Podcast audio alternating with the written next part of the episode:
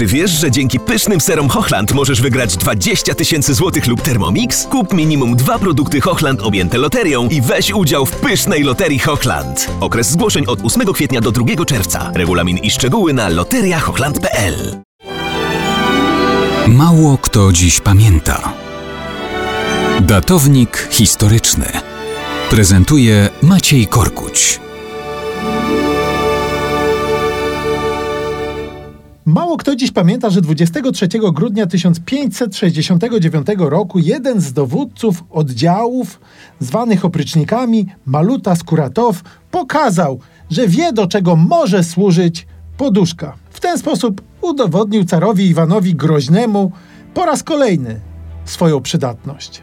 Było tak. W latach 60. XVI wieku car Iwan IV Groźny wydzielił olbrzymie tereny ziemi zwanej opryczniną. To był wielki obszar, z którego usunął car bojarów, a osadzał tam swoich ludzi służebnych.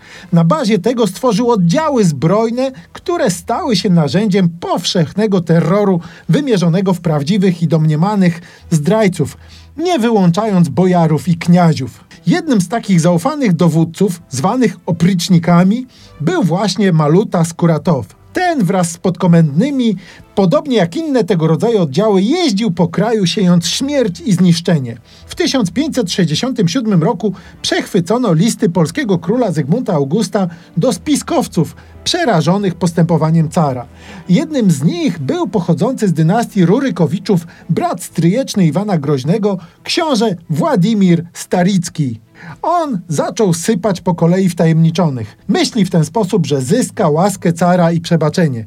Myli się. Iwan wysyła do niego malutę z Kuratowa, który przenosi, delikatnie mówiąc, księcia Starickiego na tamten świat. Skuratow na stałe zostaje specjalistą od mokrej roboty. Kiedy krwawe praktyki Iwana krytykuje metropolita moskiewski Filip II, szybko go aresztują. Zostaje osadzony w Twerze.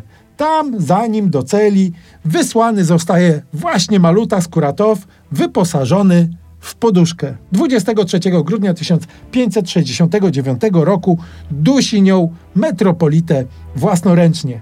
Potem Skuratow uczestniczy w masowym mordzie tysięcy mieszkańców Nowogrodu Wielkiego.